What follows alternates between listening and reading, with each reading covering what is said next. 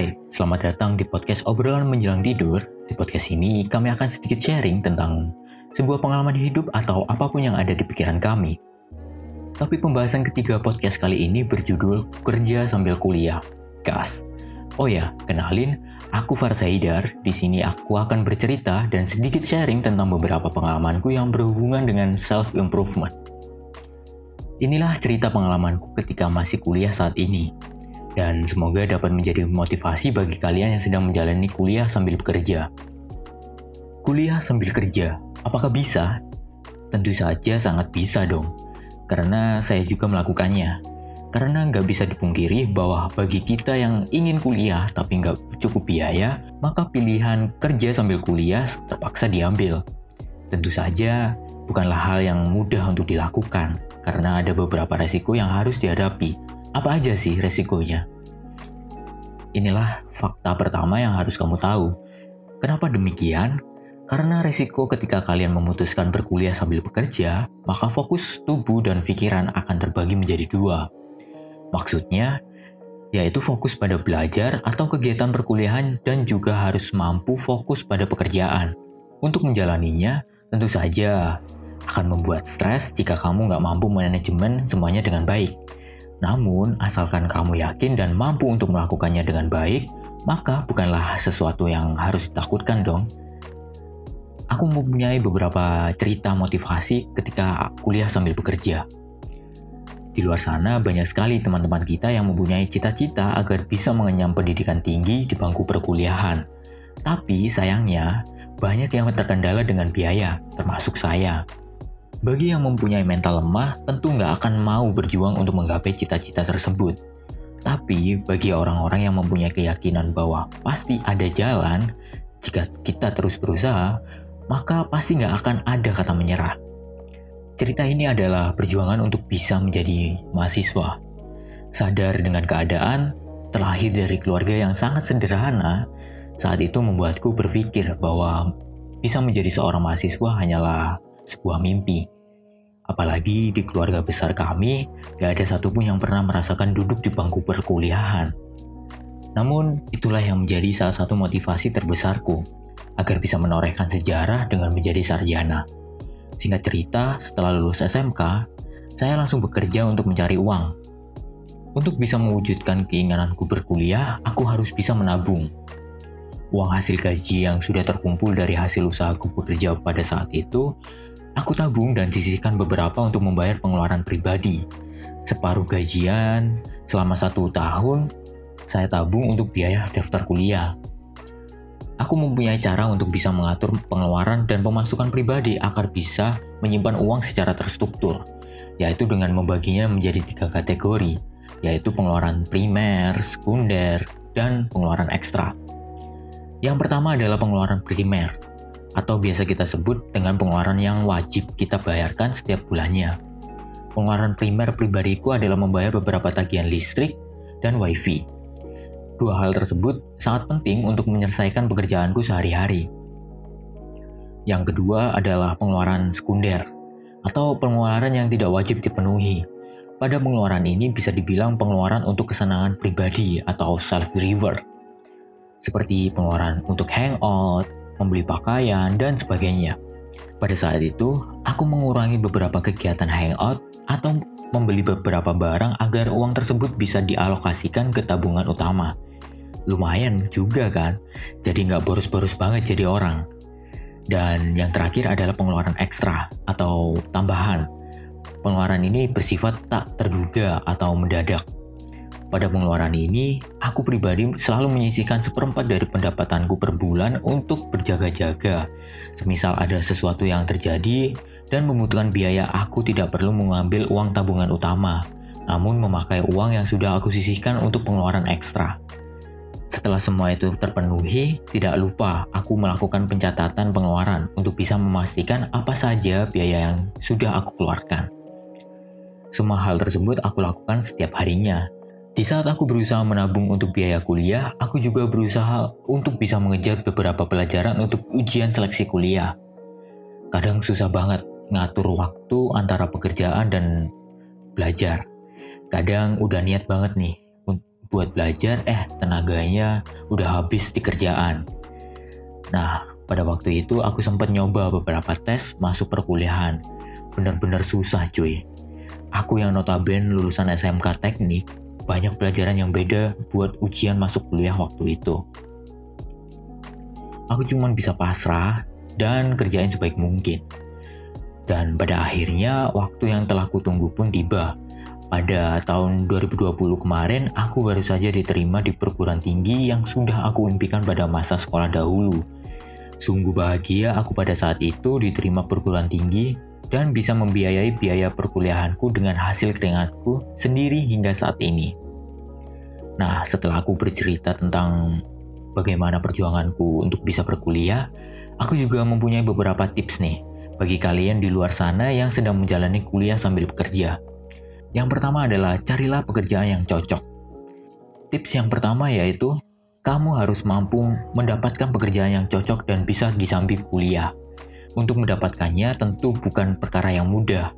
Apalagi saat ini situasi di dunia kerja sedang tidak baik-baik saja, sehingga banyak terjadi PHK di mana-mana.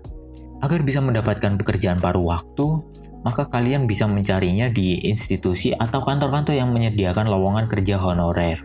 Atau bisa juga di tempat-tempat yang membuka lowongan kerja per jam. Meskipun gajinya kecil, tapi nggak apa-apa lah. Yang penting bisa buat tambahan biaya kuliah.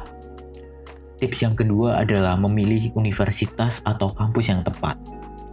Ada banyak pilihan kampus yang menyediakan pilihan kelas. Biasanya selain kelas reguler, ada juga kelas karyawan yang khusus untuk mereka yang sudah bekerja.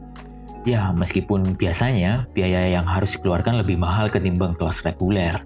Dari pengalamanku sendiri, yang paling benar ialah pilihlah jurusan yang memang sudah kamu ketahui atau kuasai Ketika kalian di jurusan yang tidak sesuai dengan kamu, kamu akan kesulitan dan bakalan mengganggu aktivitas pekerjaan. Tips yang ketiga atau yang terakhir adalah cara membagi waktu kuliah.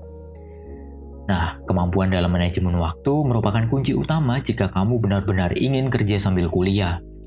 Karena jika kamu nggak bisa membagi waktu dengan baik, maka salah satu akan menjadi korban. Biasanya sih jam kuliah yang akan terbengkalai. Kenapa demikian? Karena nggak mungkin kan kita bisa sering bolos atau izin saat bekerja. Bisa-bisa gaji dipotong dan resiko dipecat juga lebih tragis daripada ditinggal mantan kan? Ya, kecuali jika kamu mempunyai usaha di rumah sendiri yang bisa mengatur waktu sesuka hati. Setelah saya menceritakan bagaimana suka dan dukanya kuliah sambil bekerja, Kali ini saya akan sedikit bercerita tentang, ya, sedikit menjelaskan apa sih pentingnya kuliah sambil bekerja untuk kesuksesan karir kita di masa depan. Yang pertama, kita akan mengetahui arti perjuangan hidup yang sebenarnya. Yap, benar. Poin pertama adalah arti perjuangan hidup. Awalnya saya dulu bekerja cuma buat main-main.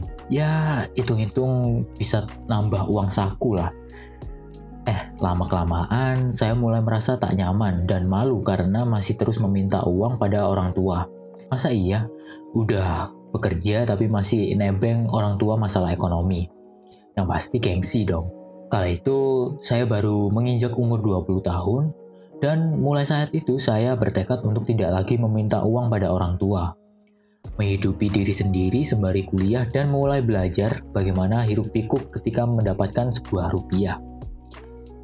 Emang susah sih, apalagi kita akan kehilangan banyak waktu berkumpul, bermain, dan bersenang-senang bersama teman.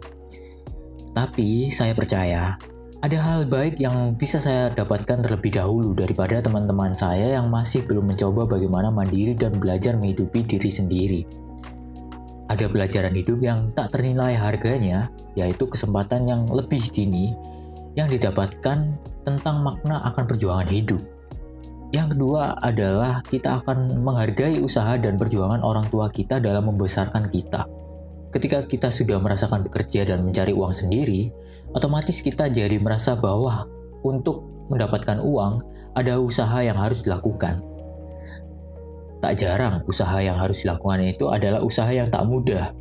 Kita pun jadi lebih memahami usaha yang dilakukan oleh orang tua kita dalam membesarkan kita ada pengorbanan dan perjuangan yang tak mudah yang harus dilakukan agar kita hidup terus berjalan. dengan baik dan sesuai dengan apa yang sudah dicita-citakan. Yang ketiga adalah kita akan membuat orang tua kita bangga. Siapa sih orang tua yang nggak bangga ketika mempunyai anak yang melanjutkan pendidikan di perguruan tinggi? Siapa juga yang nggak bangga mempunyai anak yang sudah mempunyai penghasilan sendiri? Dan sekarang siapa yang nggak bangga mempunyai anak yang kuliah dan sudah mandiri serta mempunyai penghasilan sendiri? Nah loh, berlipat-lipat bangganya bukan? Orang tua dan pastinya bahagia banget orang tua ketika memiliki anak seperti kita. Dan yang keempat adalah belajar manajemen waktu yang lebih baik. Ketika kita menjadi mahasiswa kelas karyawan, kuliah sambil bekerja, kita harus mengatur baik-baik waktu yang kita punya. Bahkan kita akan merasa waktu 24 jam sehari tidak akan cukup untuk menyelesaikan tanggung jawab maupun aktivitas kita. Kita harus cerdas dalam menggunakan waktu. Kapan kita harus kuliah, belajar, mengerjakan tugas, bekerja, pergi berkumpul bersama teman-teman, dan melakukan hobi kita. Tak bisa kita menggunakan waktu seenaknya karena kita harus membagi antara dunia kuliah dan dunia kerja. Misalnya, saya kuliah pagi jam 8 hingga pukul 4 sore. Selesai kuliah, saya harus bekerja dari jam 5 hingga pukul 9 malam. Dan sisanya saya gunakan untuk mengerjakan tugas sampai dengan saya tidur. Ya, kira-kira saya tidur mungkin jam 11 atau jam 12-an. Jika tidak ada tugas atau pada saat jam kuliah ada jam kosong, saya bisa pergi atau berkumpul bersama teman-teman. Waktu jeda kuliah pun sering saya gunakan untuk belajar, mengerjakan tugas, dan menyicil kerjaan kantor saya. Jadi, waktu di kampus bisa digunakan semaksimal mungkin. Ribet, mepet, nggak ada waktu buat main-main, gak juga tuh. Karena saya benar-benar merasakan manfaatnya bagi hidup saya saya lebih bisa mengatur hidup dan menggunakan waktu yang saya miliki sebaik-baiknya. Lebih baik memanfaatkan waktu untuk hal yang positif daripada digunakan dengan hal yang negatif seperti pacaran, hangout gak jelas, dan lain-lain.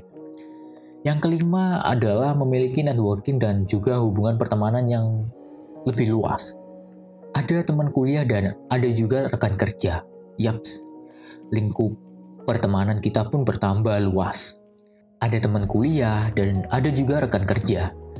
Ya, lingkup pertemanan kita pun bertambah luas. Di saat itu, lingkup pertemanan kita tidak hanya di sekitaran teman kuliah atau kampus. Obrolan yang bisa kita lakukan juga tak lagi hanya tugas kuliah, proyek kuliah, dan hal-hal yang berhubungan dengan kehidupan mahasiswa. Dengan memiliki lingkup pertemanan yang lebih luas, koneksi dengan orang lain pun menjadi lebih luas. Percayalah bahwa hal-hal baik pun ada dengan kita memiliki banyak teman. Yang keenam adalah mendapatkan skill dan pengalaman kerja yang lebih banyak sebelum kita lulus. Ketika teman-teman kita masih bergulat dengan tugas kuliah, kita sudah merasakan bagaimana bekerja. Kita sudah memulai lebih awal dari teman-teman yang lain. Ketika sama-sama lulus, paling tidak kita sudah memiliki bekal pengalaman yang lebih dalam. Pola bekerja kita juga pastilah sudah berbeda dengan yang sudah memiliki pengalaman bekerja sebelumnya, terutama tentang gaji. Gaji orang fresh graduate yang tidak memiliki banyak pengalaman pasti akan lebih sedikit daripada yang memiliki punya banyak experience ya kan? Itulah sepenggal pengalamanku bagaimana cara berkuliah sambil bekerja yang telah aku lakukan selama ini. Sebenarnya banyak sekali perjuangan yang pedih, tapi itu udah terjadi dan nggak perlu diingat lagi. Yang penting tujuannya adalah semoga cerita ini bisa menjadi cerita untuk memotivasi kamu yang sedang yang akan atau sedang berjuang untuk kuliah sambil bekerja. By the way, sebelum menutup ini, aku mempunyai sebuah kata-kata dan semoga kata-kata ini bisa membuat kalian lebih bersemangat untuk menjalani hari-hari kalian sebagai mahasiswa pekerja.